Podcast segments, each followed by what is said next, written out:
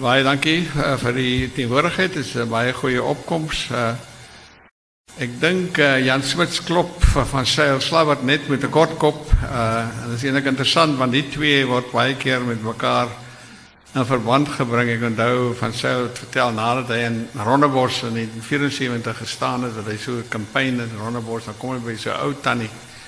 Hy sê dan as hy van Smits in die muur en sê I know you would be able to get to help us to get rid of the nets. En, uh, hy het altyd daar gesmaak dat hy gesien is as die as die nuwe die nuwe Jan Smits. En en 'n sekere sin is daar ooreenkomste is die ek dink van Seil was baie meer uh, waarskynlik dink ek charismaties as Jan Smits. Maar die intellek uh, waarskynlik was Jan Smits so effens so oorhand gehad, maar albei was hoogs intelligente mense en uh ek het eenmal uh uh jy hom kon sê die romanskrywer gevra wat sal die geheim wees uh, wat die mense en ek altyd toeskryf aan die die van Seil charisma? Van Seil het eenslag gesê het vir 'n meisie het ook gevra studente meisie ja maar ek het op universiteit charisma 1 en charisma 2 en charisma 3 gekry Maar uh, Cassius se antwoord was hy sê die helfte van die vroumense uh uh wat van met van iets te doen gehad het was ook verlief op hom dit doen werklik wondere vir 'n mens se charisma en so aan. Uh het vandag hier so die spreker is Albert Grundling, professor in geskiedenis by die Universiteit van Stellenbosch. Hy is oud. Uh hy het gestudeer gestudeer by die Universiteit van Vryheid en dit was lank in Pretoria gewees en toe het hy hierso die uh nee 10 jaar gelede die um hoof van die departement geskiedenis geword en hy het al meer gefassineerd geword en van sy slabbert. En die reëling van vandag is is dat hy sal praat oor die eers ek sal hom vrae stel oor die eerste helfte van van van sy se lewe en sy loopbaan. En ek sal dan van 1980 af uh, sal hy vir my vra oor homself. Ek het 'n hoofstuk oor van Seil Slabbert geskryf in 'n boek. Uh, Albert het 'n uh, navorsing uh, van Seil voor 1980. So hy is die jong Slabbert en ek is die ryp Slabbert. Goed, Albert kan ons maar begin. Uh, kan jy vir ons ele vertel oor elemente van Seil se vroeë lewe? Uh, dankie Herman. Ek wil net vlugtig aansluit wat jy gesê het oor sy charisma. Toen ik nou begin navorsing doen het oor sy vroeë loopbaan. En uh, daar's eintlik baie min geskryf oor sy vroeë loopbaan as akademikus. Dan praat jy met mense en dit is asof almal iets van van seil wou wou hê, 'n deel van hom wil hê. Wat sê jy maar, hulle het hom geken. En ek het een keer met 'n vrou gepraat wat sê sy het hom ook geken en hy het haar vir een dans gevra. en dis daardie tipe gedagte wat wat almal bybly. Ehm uh, nou die die oorkoepelende tema vir hierdie gespreksreeks is anders te helde. En ek het daar gedink dat mense die bestanddele van wat wat is 'n held kan terugtrek ook na vroeë ervarings toe. En ek dink dit geld in die geval van van Saul wel. Uh hy is een van daai gevalle van 'n profeet wat nooit werklik in sy eie land geëerd was nie. En uh, nou is daar natuurlik 'n uh, eh, besondere belangstelling in maar ook omdat hy 'n ambivalente figuur was. Ek verstaan ek het nou jy was baie mense hier oor my Jan Smits te luister toe sê iemand vir my ja, is nou ou die ou sappe wat wat hulle wat teenwoordigheid hier aanmeld. Maar lyk my vandag is al die ou progge wat hier so mekaar kom. Ja. Uh van Saul se se vroeë lewe. En ek dink dit was om juis anders gemaak het as die tradisionele Afrikaner jongeling van daardie tyd. Hy het uit 'n gebroke huis uitgekom. Sy beide sy ouers was uh was alkoholiste gewees. Hy het by familie groot geword. In Pretoria gebore, maar daarna na Pietersburg getrek. Hy het baie van jong leeftyd af, ek dink van 9 jaar af het hy in skool koshuise gebly. En die van ons wat skool koshuise ken, weet jy word baie vinnig hard in daai tipe omgewing. En hy het ook uh, interessant genoeg hy op Pietersburg in tyd toe hy skool gegaan het waar hy ook toe, nie toevallig nie maar nogal betekenisvol hoofseun was was Pietersburg Hoërskool 'n tweetalige skool. Capricorn High School het dit begin na van Sail daar weg is in 1959. So van Sail het 'n ander tipe agtergrond gehad toe hy Stellenbosch toe gekom het. Dis nie 'n normale uh, Calvinistiese huishouding waarvan die meeste studente op Stellenbosch gekom het nie. Sy pa het ook 'n uh, geveg in die Eerste en die Tweede Wêreldoorlog en dit was 'n onaangename ervaring, maar die punt daarvan is sy ouers was 'n sterk sap tipe element in die in die Slabbert uh, breër Slabbert familie en ook in sy pa dan. Ehm um, 'n verdere verskil was is dat van Sail het baie vroeg met swart mense in aanraking gekom. En hy het 'n baie noue verhouding gehad met die huishulp wat hulle opgepas het. En Manny van der Spy wat hy is, het vir my wonderlike insigte gegee van hoe daardie verhouding uitgespeel het. So van kleins af was van swart mense was nie vir van Sail iets vreemd gewees nie. En hy het ook op 'n jong leeftyd swartes verdedig wat sy skoolmaats wat sy skoolmaats wou aangeval het. So dat en hy het ook goeie swart vriende gehad. Nou nou reg baie van mense van ons generasie het 'n element daarvan ingehaal. Maar dit is nie so deurslaggewend soos van Sail was nie. Want in sy geval het dit eintlik opgemaak vir die gebroke huis waar waarvandaan hy gekom het. Hy het self nooit hierdie gebroke huis voorgehou as 'n verskoning waarom hy nie kon uitstyg nie. Hy het dit eintlik as as 'n uitdaging gesien. So die punt is toe hy stel 'n bos toe kom, was hy anders gerad gewees as die meeste ander jongelinge op hierdie plek. Dit was ook 'n geval gewees dat Stellenbosch in daai tyd was swart mense eintlik 'n vreemde verskynsel. Kaimandi was 'n baie klein in, informele nedersetting gewees.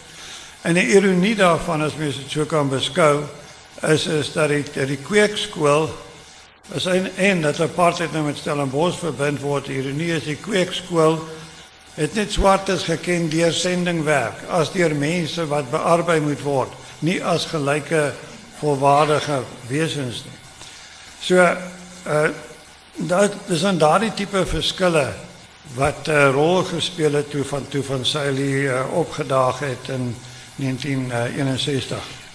Dankie ja. Ja, maar Dit beslis hy het nie die gewone standaard uh jeug gehad van 'n Afrikaner kind in die in die 1950s nie. Ehm uh, hoe het hy gevaar op universiteit?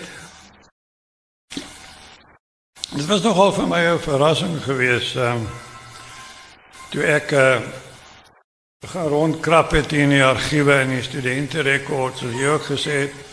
Hy was hoogs intelligente persoon en Ek wil dit nie bevraagteken nie, maar sy punte was was was baie gemiddeld geweest. 5 en 6 en dit is baie werklik uitstaande geweest, nie? En jy sou nie sê hy was hy was 'n blote normale student geweest. Uh dit het wel 'n bietjie begin optel toe hy sosiologie 3 gedoen het. Daar het hy 'n 7 gekry en vir sy honeursjaar toe hy nou werklik begin ontplooi as akademikus, ontwikkel as akademikus, het hy onderskeiding gekry vir die honeurs en ook vir die MA. Maar ek dink in 'n sekere sin mag dit moontlik te doen gehad het met die feit dat hy aanvanklik te veel rugby gespeel het. Ehm um, hy hy hy noem ook self dat hy op stadium het hy begin belangstelling verloor aan rugby. Ehm um, aangesien dit te veel van sy tyd opgeslurp het, hulle moes 4 dae 'n week oefen en nou Saterdag speel. So uh, miskien kan mense dit in daai lig sien. Ehm um, dan as hy, hy het geaspireer om predikant te word en hy was ook in die kweekskool gewees. Uh waarom het hy dit laat vaar? Uh wat is die die kritiek tussen wat hy gehad het op die verband tussen die NG Kerk en die staat? Hmm. Uh dankie Herman. Ja. En ons gou gou maar die al die selfone afgeskakel kry. Ja maar ja, die ja, dis die stemme van bo. Ja. Uh, ja, ehm um, van Sail is op uh, baie vroeë leeftyd bekeer. Uh op 'n skoolseun is hy na winkelspruit wat uh CSV kampe gereeld Christelike studente vereniging kampe. Ek ek ek weet toevallig ook al van my vrou was ook so intoe maar sy is nog heeltemal bekeerd nou nie. Uh, maar uh, maar van sy het dit baie ernstig opgeneem.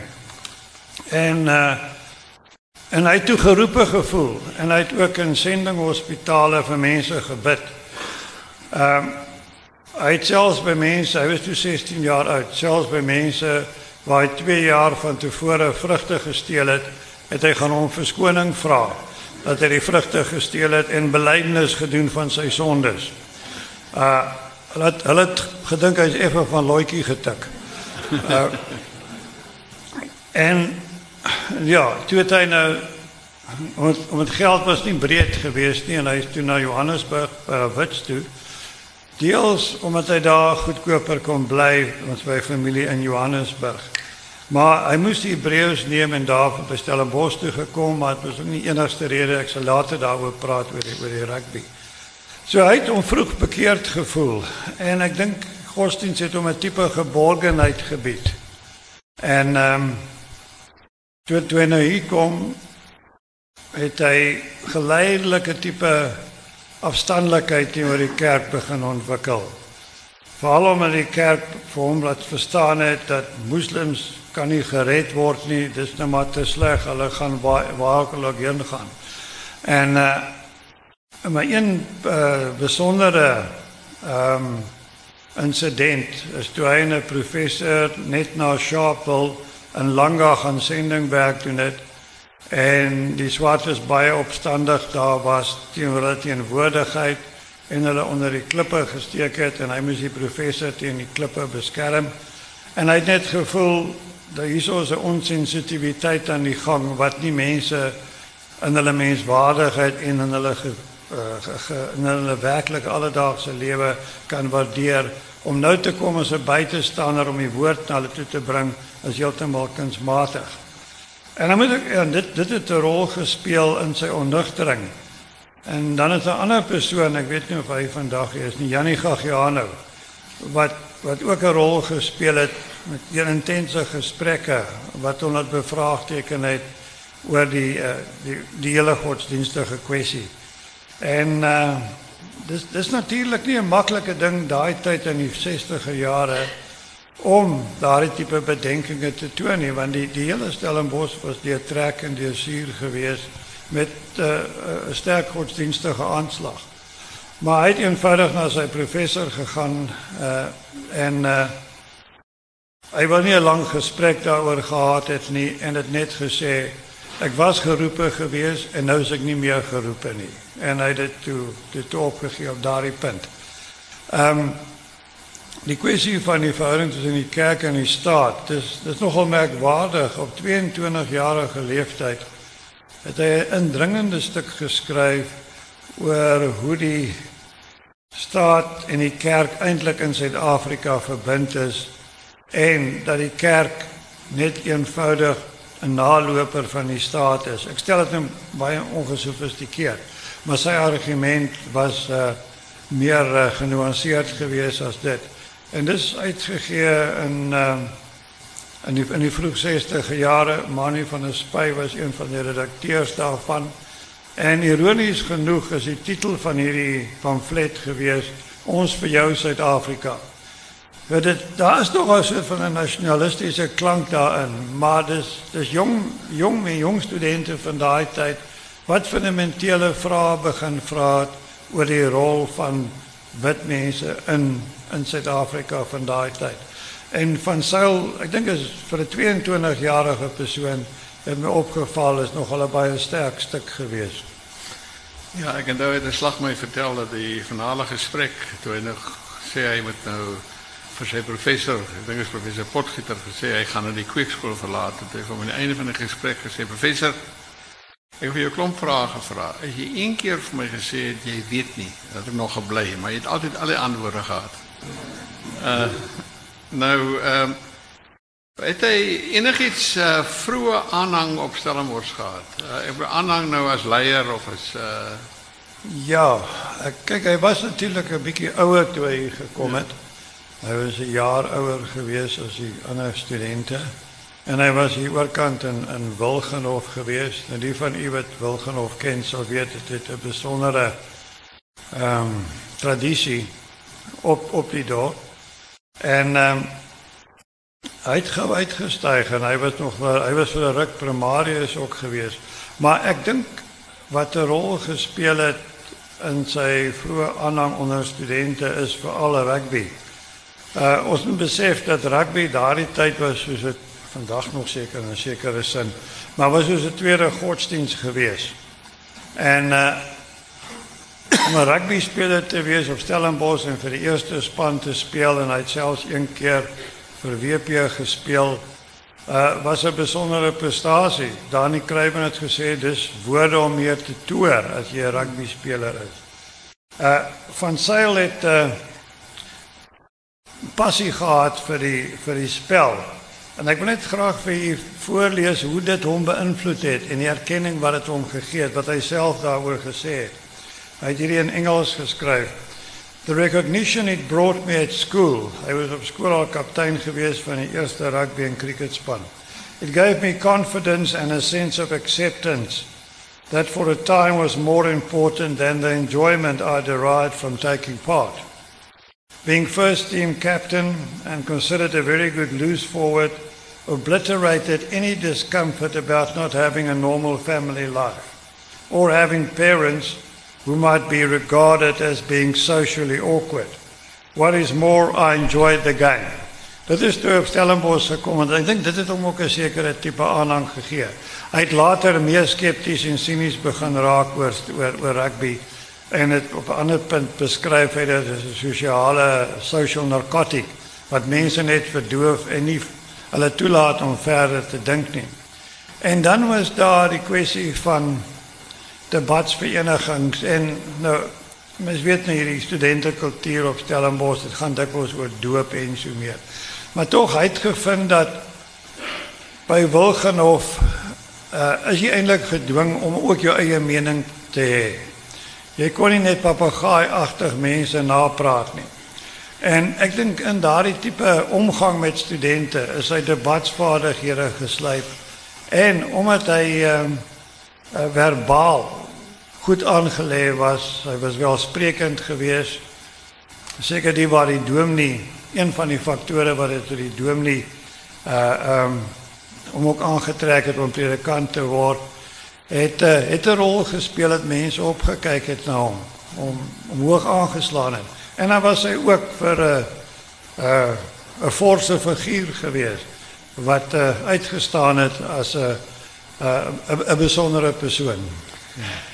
Ja, ehm dit is uh, sekerlik so dat hy uh, baie baie hy het 'n groot presence gehad. Uh, mense altyd uh, was mense daarvan gehou om in sy geselskap te wees. Hy nooit uh nooit gedeklameer nie. Hy het ander intens belang gestel aan ander se menings en baie was 'n baie goeie gespreksvoerder geweest.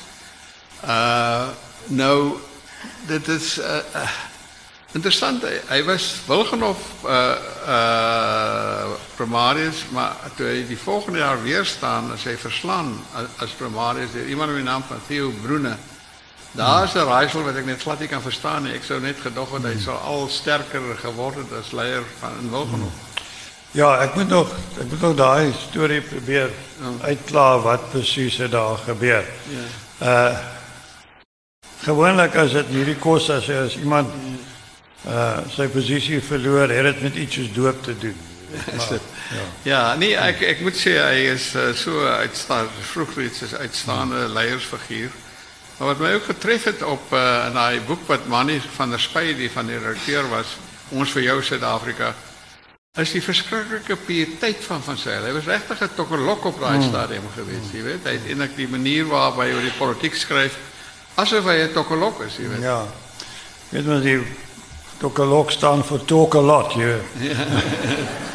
Misschien was het een anti anti anti geweest. ja, dus, uh, ja, ik, ik, ik denk dat was een type breedsprakigheid. Ik, ik denk Stellenbosch uh, blink uit op daai gebied in 'n sekere opsig. Dis hier's baie mense wat baie kan praat. Die hele woordfees wend hulle om en ek en ek dink die die woord ja. Wel, uh, ja. Ons word dan ten minste betaal om te praat. Jy nie ek nie. maar in elk geval, uh, nee, dit is, uh, is, is eindelijk uh, baie wonderlijke geleentheid. Uh, hierdie woordfeest op Stellenbosch, ik weet niet wat is. Kom ons het uh, niet aan ons tijd al gehad, het het eerst hier in wat 2002 ontstaan. Uh, was daar uh, andere invloeden op, op Stellenbosch? Enige liberale of... Uh, ja. Socialistische invloeden of anticapitalistische ja. invloeden? Ja. Um, ja, ik, denk, mensen kan niet, als je van Seil en Stellenbosch praat, moet je praten over mensen zoals Degenaar, Johan Degenaar, André de Twee, wat de tijdgenoot van hem was. Uh, ehm, SP Solier, wat zijn professor in sociologie was. En wat eigenlijk een beschermende hand over een lang tijd van Seil gehouden dan Dian Joubert, 'n meer sosioloog wat uh uh saam met hom in die departement later gewerk het en natuurlik Janie Gagiano wat uh sterk invloed gehad het lei mens af op op van Sail. So daar was mense gewees wat 'n sentrale rol gespeel het in sy ontwikkeling en in die slyp van sy denke. Nou uh ander sy Afrikanerskap, dit is nogal 'n baie komplekse geval. Het hy homself as 'n Afrikaner beskou, ja. het ander hom as 'n Afrikaner beskou? Ja, ehm um, sy vrou Mona het ge, Mona het gesê hy kom van 'n stoere boere agtergrond af. Uh, ek weet jy noem dat hy gemaklik in sy vel was as 'n Afrikaner. Ehm um, Van Seil het nooit werklik daai definisie aanvaar. Hy het gesê ander mense beskou hom as Afrikaner, maar dis die begin van 'n gesprek, dis nie die einde van die gesprek nie. So daardie begrip was vir hom altyd bietjie in in die lig gewees. Uh ek dink nie hy was 'n standaard Afrikaner nie. Ek dink jy noem in jou boek ook dat die nasionaliste sou hom graag aan hulle kant wou gehad het. Hmm. Uh Ja, nee, zekerlijk. zekerlijk. Ik denk dat hij er aanvankelijk is gelaat weet door die overheden op Stellenbosch dat het om geoormerk en die nou... Ja, ja, als ik nu daarop... Uh, dit is voor mij interessant. Toen um, Van Zeilet in, denk ik in 69 was hij op Ruits, als hij Ruits aangesteld als een lector, senior lector op daardie stadium. En... Um, Hy skryf toe ook aan sy vriende hier op Stellenbosch. Hy mis eintlik Stellenbosch want hy weet ook hulle het vir hom gesê as hy mooi loop in sy loopbaan, mooi loop, dan kan hy rektor van Stellenbosch word. Nou die man was toe 28 gewees. So dis nogal ja, weet jy hoe iemand wil rektor word nie, maar dis dis wat hy hy het sulke ambisies gehad of gedink hy het die vermoëns om om dit te kan doen. Ja. So daar was reeds 'n vroeë uh sterk ambisie by hom gewees. En is ook hy ook op Rhodes het hy uh, as hy genade deur liewer broers om 'n uh, assistent uh, bestuurder te word in Durban. En hy het sterk oorweeg want hy het eenvoudig gesê die kans om daar te styg is vinniger as hierdie verstaande akademiese lewe en hy word meer betaal. Hy het dit nie aanvaar nie. Maar van 'n vroeë ouderdom kan jy agterkom hierdie man dink hy is bestem vir vir meer as net 'n gewone dosent. Nou aanvanklik het hy nie 'n uh, eh, afsonderlike ontwikkeling nie meer gesofistikeerde vorm van apartheid uh, ideologies meer gesofistikeerde vorm van apartheid afgewys nie. Daar is 'n Maar daar is seker 'n onderhoud wat hy met 'n joernalis gepraat en sê dat Stellenbosch Het daai 62 63 het dit 'n sekere samehang samehangendheid hmm. gehad wat aantreklik was. Hmm. Ja, hy was nie ligsinnig hy het nie ligsinnige kritiek op apartheid gehad nie. Hy het dit ernstig geneem as 'n stelsel wat sy eie logika het. En jy moet die logika daarvan verbeter. Uh jy moet kan wys waar is die foute en en ek dink sy opleiding as sosioloog en ons later ook oor kan praat, maar daar moet 'n Daar was 'n passion for reason gewees. In 1999 het hy gesê Sy studentejare het hom blootgestel na rasionele denke en hy kon nog nooit weer daarvan herstel nie. Nou okay, rasionele denke is ook maar begrip waarmee oor mense kan praat, maar uh, hy hy was 'n hy was nie normale Engelse kritikus van apartheid nie. Hy het hy het ernstig opgeneem om om 'n kritikus te wees. Ja, ik denk dat definitief, in een zekere zin was hij definitief niet Engels. In die zin dat hij niet zomaar, je weet, apartheid wordt verwerkt, dat is immoreel en dat is, dat is niet gesofisticeerd genoeg. Nee, ik denk hij heeft uh, zekerlijk gezien dat apartheid is een bijzondere uitdaging. Je moet ernst maken daarmee. En het systeem het, het een zekere samenhangendheid. En je moet, dat, je moet, het, je moet niet beschouwen, dat is nou zomaar niet te foefie niet. Uh, in uh, hij is dus ook, zo samen eh, besprekingsgroepen geweest in de laatste 60 jaren. En hij heeft het eindelijk altijd ernstig opgenomen en probeer ontrafelen uitrafelen. En probeer uh, zin maken daarvan voordat hij het verwerkt. Ja. Ik, denk uh, in die hij was nooit, je ook nog zal weten, hij was nooit radicaal geweest die, die tijd niet. Ehm, Trouwens, die hy 'n professoraat gekry senior lektoraat hier gekry het onder SPSLJ. SPSLJ was nie radikaal geweest nie. Hy was uh langs van die middel geweest. En uh ander mense, ek weet Manu van der Spy is een van hulle kon nie 'n werk op Stellenbosch kry omdat hy te links was. Van Sail was nie so links geweest nie. Ehm, die veiligheidspolitie heeft hem wel een beetje gevolgd, maar dat zijn meer van die veiligheidspolitie van Van Zijl. Ja.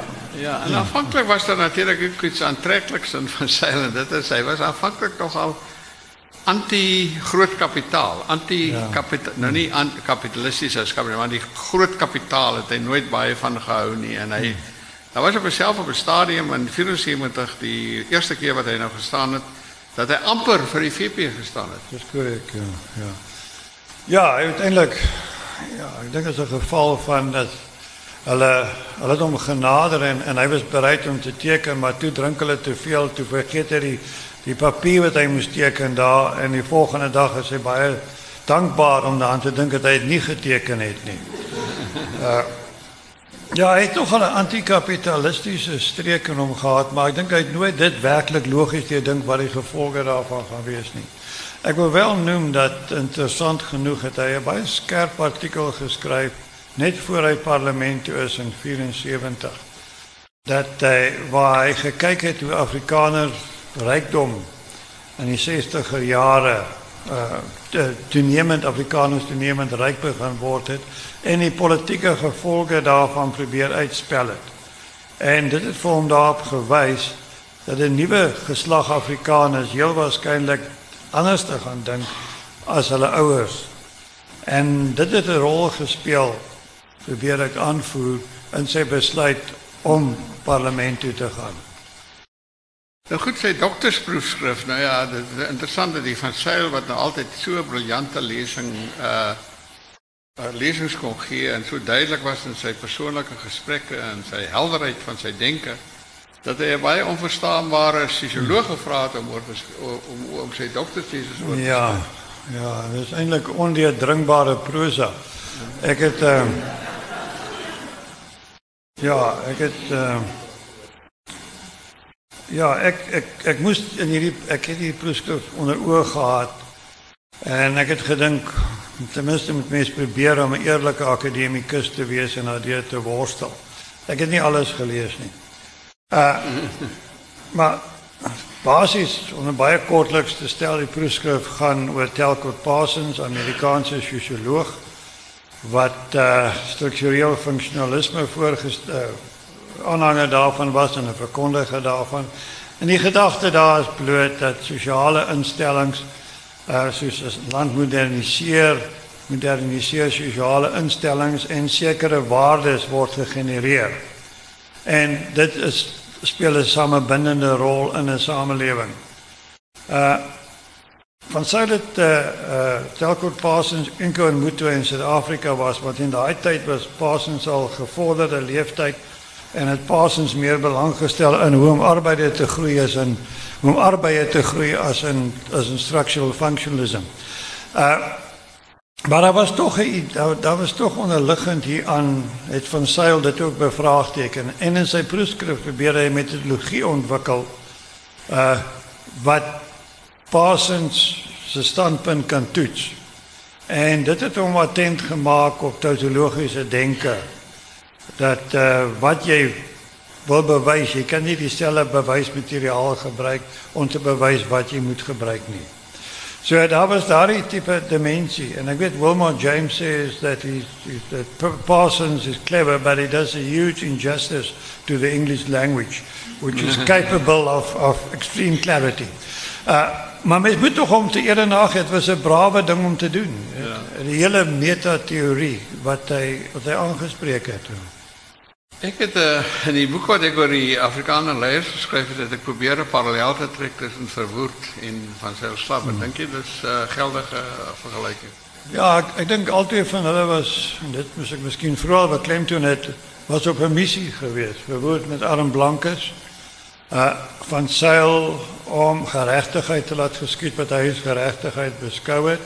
Hulle was albei sosioloë. Hulle het albei begin as teoloë en opgeëindig as sosioloog. So jy versaak jou teologiese godsdienst en jy hang 'n sekulêre godsdienst aan. Jy soek op vir 'n nuwe god en aanhangstekens. Hmm. Delkort Parsons was er ook dit gewees.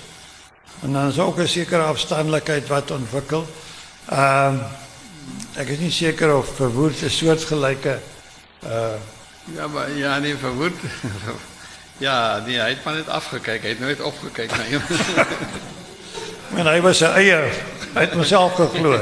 Ja. Wel, ja, nee, ik kan niet denken dat hij iemand... Kijk, dat was natuurlijk... bij Bobby Wilcox was een promotor. Maar ja. was geen aanleiding dat hij nou type van een voetstuk geplaatst. Terwijl Van heeft definitief ja. Parsons op een voetstuk geplaatst. En Johan Degenaar is de is zin ook. Ja. Herman, kan ik... Uh, kon net praten over... Waar hij zijn politieke loopbaan. Ja, ik, ons tyd bang die tyd haal ons in uh wat ehm uh, van van seil betref rondom die politieke bestel wat hy voorsien het in Suid-Afrika. Dit was eers in 81 dat hy werklik dat hy begin wegbeweeg het van 'n gekwalifiseerde stemreg. Kan jy miskien vir ons uitlig wat het daardie uh uh beskrywing teweeggebring? Ja, is nie heeltemal duidelik nie. Hy het saam met David Wells 'n boek geskryf, South Africa's Options in 1979 en daar word nog bepleit 'n min wit minderheidsveto van ek dink was dit nou 10% of 20% so veto kon dan besluit te blokkeer in die parlement. En ek weet David Wells het hom gevra, maar moet ons dit 'n white minority veto noem? Dit van sê gesê man noem dit 'n white minority veto. Dit is wat ons bedoel, laat ons dit maar sê. Maar kort daarna het van Sail toe hy nou leier word van die progressiewe party het hy uh het hy al meer beweg beweeg daarvan maar natuurlik besef dit sal nooit uh hy sal nooit kan dit kan verkondig in debatte met die swart mense nie. Hy het al meer gevind hy moet jy moet met die swart mense begin debatteer en hulle menings in ag neem wanneer jy jou posisies formuleer. So hy het dan in sy nadat hy leier geword het, het hy eintlik heel, beweeg heeltemal na die uh, soort tipe van uh, beleid, uh, opzet wat ons in 1994 gekry het, namelijk uh, volkome gelijkheid van stemmen. Ja, zal geen blocking veto of iets van die aard. Ja. Um, is natuurlijk, uh, en baie van ons onthou ek nog, dit, die geleentheid toe hy uit die parlement bedank het in, in 86. En dit was een heel controversiële stap en hij is kwalijk geneem deur onder andere Ellen Soesman het hom baie kwalijk geneem. Uh twee kwessies hier rondom wat het beweeg om dit te doen en dink jy dit was miskien 'n voortydige stap geweest? Ja, nee, ek dink uh van sy het eintlik ek dink die referendum van 83 het hom baie diep geraak want hy het gevoel dat daai sakeleiers hy nou uit van van 'n instink natuurlik 'n suspisie gehad oor hulle dat hulle nie werklik by hom staan as leier van die progressiewe party en die progressiewe party beleid dit daai sa baie van die sakeleiers die ja stem gepropageer het. En hy het gevoel wat wat het hy probeer regkry dat hierdie mense wat in die uh aan die leiding staan van die ekonomie dat hulle bereid is om die uh referendum uh die ja stem te gee op die soortgenaam met die argument dat dit 'n stap in die regte rigting was. Hy het net gevind daai hele metafoor van 'n stap in die regte rigting is heeltemal verkeerd. Jy moet daai ding in in eie meriete oordeel. So uit na die referendum het hy al klaar begin wat hy kon toe sien dit is nie moontlik vir die PFP om deur te breek en die uh, nasionale party van links af uh, uit te daag nie. Uh, en toe het hy nog in 485 toe hy die last white parliament skryf sê hy nog parlement is baie belangrik. Parlement is baie belangrik en mens moet die parlement gebruik vir vir uh, vir verandering, maar dan skielik laat 85 begin hy te swaai en lyk my van sy was nogal van baie sterk uh, reageer op 'n bepaalde ding wat hom baie baie ontstel het. En hy was baie ontstel toe hy nou uitvind dat die regering ten spyte van die Nkomati verdrag nog altyd besig is om Renamo in Mosambiek te ondersteun. En uh dit het vir hom net gevoel dat hulle besig om hom te lieg. Hy hy word nie as leier van die oppositie ingelig nie. En en ek dink daardie heel sy persoonlike uh antagonisme aan teenoor PV Botha as leier het baie daarmee te doen gehad. Dat hy al meer begin kyk na die ANC as 'n moontlikheid. Nie aanvanklik as alternatiewe regering nie maar om die ANC in te bring miskien om dan uh die ANC in te bring as 'n mag in die politiek en dat jy wat wat op die ou end sal word niemand het verwag dat die NP uiteindelik sou verkrummel en eintlik nie meer 'n goeie oppositie gebied het vir die ANC nie maar begin voel dat ons moet en ek vir my is hy altyd die verpersoonliking van die gedagte wat in die 80er jare oorheersend geword het. Dit was die gedagte wat feitelik alle van die almal in die blanke kiesers ondersteun behalwe die heel regs is en dit is die gedagte van 'n onderhandelde skikking. Hy het eintlik nie verder gedink aan jy weet wat nou as die ANC so dominant word dat hy nie meer in uh eintlik by die konstitusie sal hou nie. Hele idee was daar moet onderhandelinge kom en dan moet van wederzijds moes daar instemming kom by 'n skikking wat betref is. Hmm. Dan uh, na die parlement verlaat het en jy het ook deelgeneem aan die Dakar bezoek. Ja. Uh, dit wordt dikwijls voorgesteld als uh, uh, een bezoek wat grondverschuivende gevolgen gehad heeft. En van Zuidelen is ook bestempeld, en ik denk jij ook, als van die voorste nieuwe voortrekkers. Ehm, die die ek is voor voorstel is, uh, uh, kom, ek, vir wat van mij gezegd is, eh, Uh dit is eintlik uh uh ek is ek vader Jordan my 'n uh, boer in the woodpile genoem in plaas van in plaas van 'n nigger in the woodpile. Uh nee, ek dink van sy het en ek uh, ek het van voor staan en van my Andre het toe gepols oor hierdie hele idee van 'n besoek en of of dit kan werk. En ons het gevoel dat die Suid-Afrikaanse politiek het so gepolariseer geraak en die ANC het heeltemal gedemoniseer geraak dat so 'n uh, uh, gesprek van 'n redelike groep mense, ons was 60 mense en die helfte daarvan is uh, is as Afrikaners beskou. Ek saam met dit so 10 leidende ANC figure in die buiteland. En ons het dan Dakar en Senegal, Senegal toe gegaan en selfs teens hele wat 'n wat 'n dopper predikant was, is daar 'n was ook saam en daar so 'n mooi spotprent die volgende maandag in die burger gewees. Hy doen nie wat verteen sy, maar doen nie ek het tog hy sê jy gaan Senekal toe.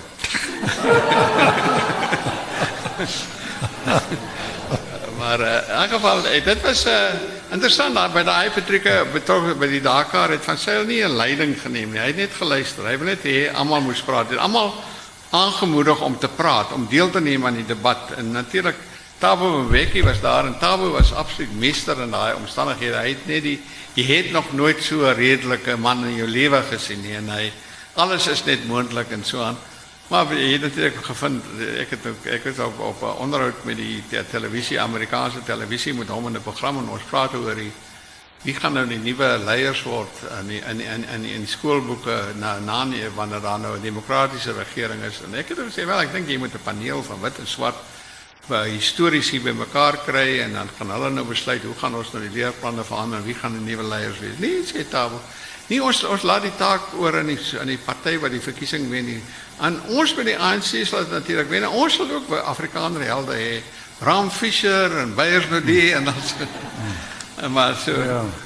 So dink jy daar was 'n geval dat van Sail uh ANC propaganda nie gesien het vir wat dit was nie.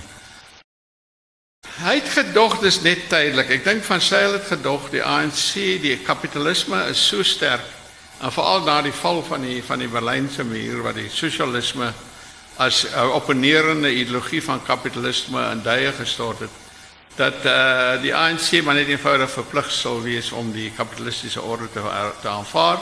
Dit sal geweldige implikasies hê vir die beweging. Hy nie meer kan revolusionêr wees nie. Hy sal maar moet inval in die dinamiek van die mark En in daardie omstandighede sal die is die veral die pragmatisme onder die ANC al meer die oorhand begin kry. Dit dis my beste ontleding van wat ek kan gee van myself. Uh dankie Herman.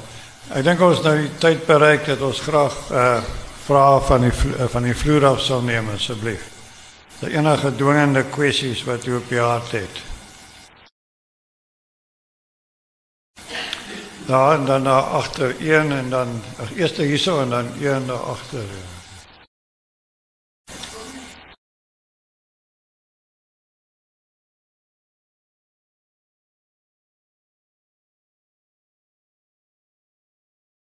Ja, uh, die, die vraag is, want het is een beetje onduidelijk, die klankie, uh, of die uh, Last White Parliament, of dit nog een druk is. Ik is Jonathan Ball is die uitgewer. Ek twyfel of dit nog in druk is. So, ja, ek ek twyfel of dit nog in druk is. Ja, mens seker 'n tweedehandse kopie kan kry, maar ek dink nie is nog in druk. Ja. Een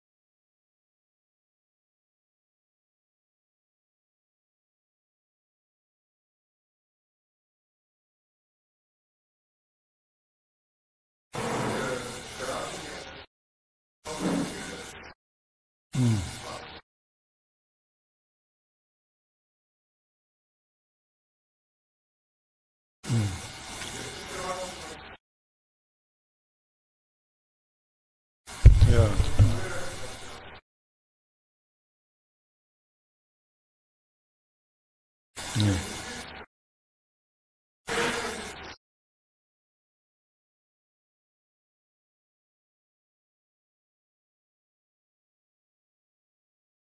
Yeah. Mm. Yeah. Yeah. Mm. Mm.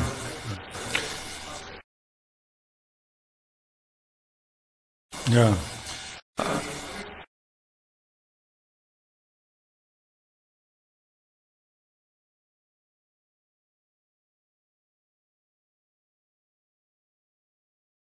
Ja, ja. Ja. Ja, dus uh, as ek vlugtige antwoord is hy het wel met daardie geestelikes op stel Stellenbosch kontak gehad en hy hy noem dit ook in sy boek uh, uh dink is White Parliament. Uh Popper het bietjie later gekom toe hy eintlik al reeds in die parlement was en met die uh hele uh, nie regeringsorganisasies en Open Society uh in daai rigting be begin werk het. Maar toe PW Botha, ja, ek dink Herman sou beter weet, maar PW Botha was baie moeilike persoon om seker mee saam te werk. Ek het ek het nou onlangs 'n stuk van Wits Bekers gelees in die by wat PW Botha van hom verskil het. En PW Botha sê jy weet mos nou beter hier is die sleutel, wees jy hier's my kantoor se sleutel word jy president. En toen zei, toen zei Piet Beker voor mij zo moeilijk, ik werk moest iets, werk moest iets. Toen zei hij, niet met mij praten, ik zie jou, ik jou trap uit gal spat.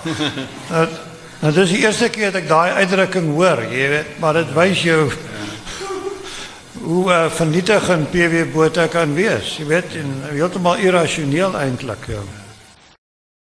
Ja, nee, ik kan saamstem. Ja, ik denk van sy hulle dienaar 'n man was. ik denk ik zal, kyk die interessantheid dat Forster het hom nooit gegroet in die parlement nie. Hy het sy van my vertel en stap hy op hom af in die wandelgang. Hy groet hom dan kyk Forster weg.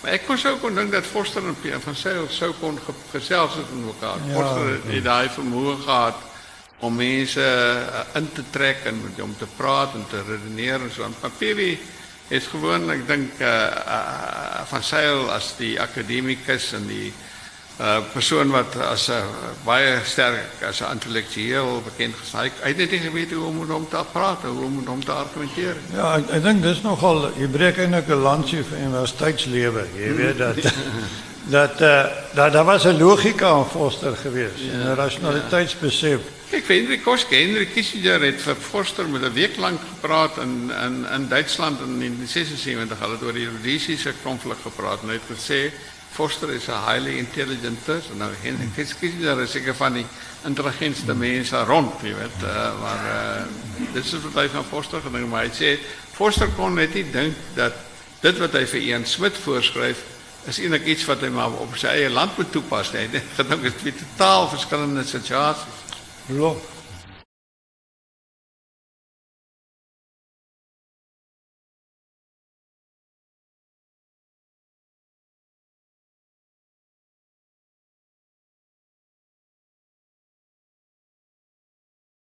Dus.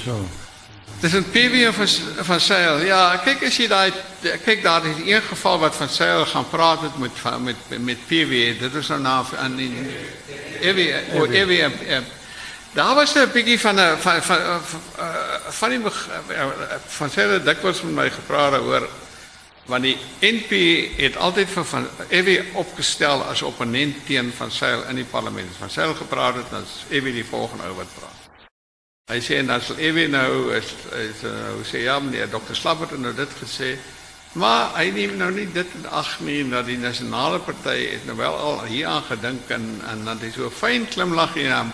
Nou vernietig hy probeer hy nou van Seil se argumente vernietig en van Seil het geweldig geïrriteerd geraak. So daar was by van Seil 'n hoë irritasie met Ewie de Klerk geweest. En soveel so dat Ewie de Klerk ook al uh, van sy mense gevra het om tog uitvind Hoekom het van Sail so 'n renons aan hom? Nou albei is natuurlik uh, omtrent ewe oud, hulle is albei intelligent, hulle is albei mense wat eintlik in 'n sekere sin 'n golden boy in hulle verskillende partye was van ewe ewe van 'n vroeë stadium nasionale party. Maar Sail was reg baie van die begin af beskou as 'n golden boy, jy weet. En uh Ek dink as hulle sou kon stil gesit het en mekaar kon gepraat het en as gelykers kon daar dalk iets voortgevloei het. Maar Evie was altyd hier in die regering in wat vir die PP sê maar julle is nie op die regte plek pad nie. Julle die dinge nie goed deurdink nie en dit het van sy geweldig geïrriteer. Dankie man. Uh, er was 'n vraag daar en dan daar so en dan daar ja. Ja,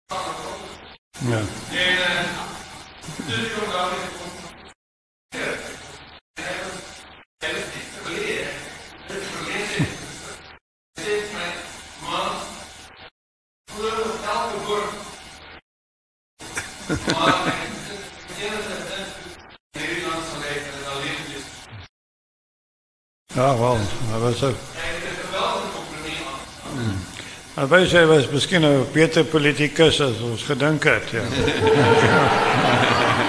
ja.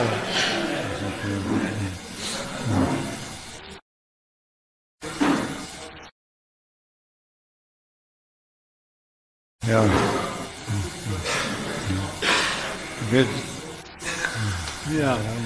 Nee, ek dink dit was stormagtig.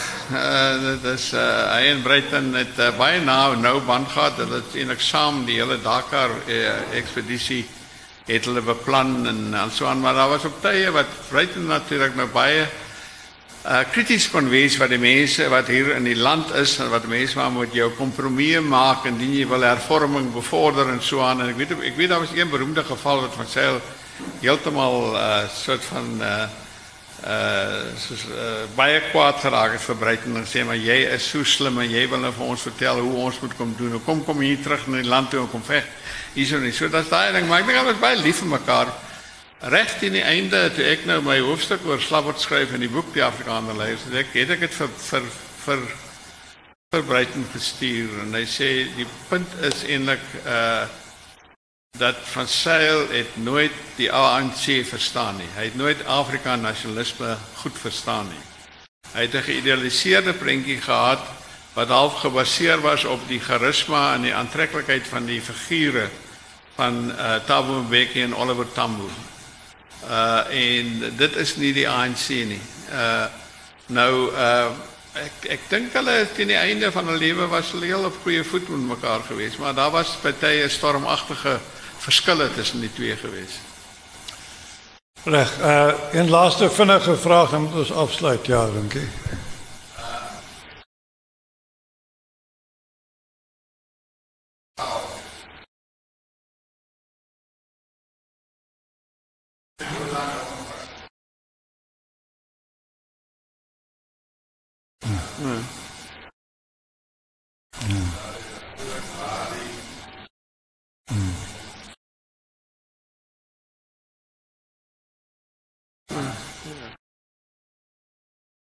Ja, nie so ambisie onderskat nie. Dis net dat die realiteite van die politiek het baie keer dit uh, in die wiele gery.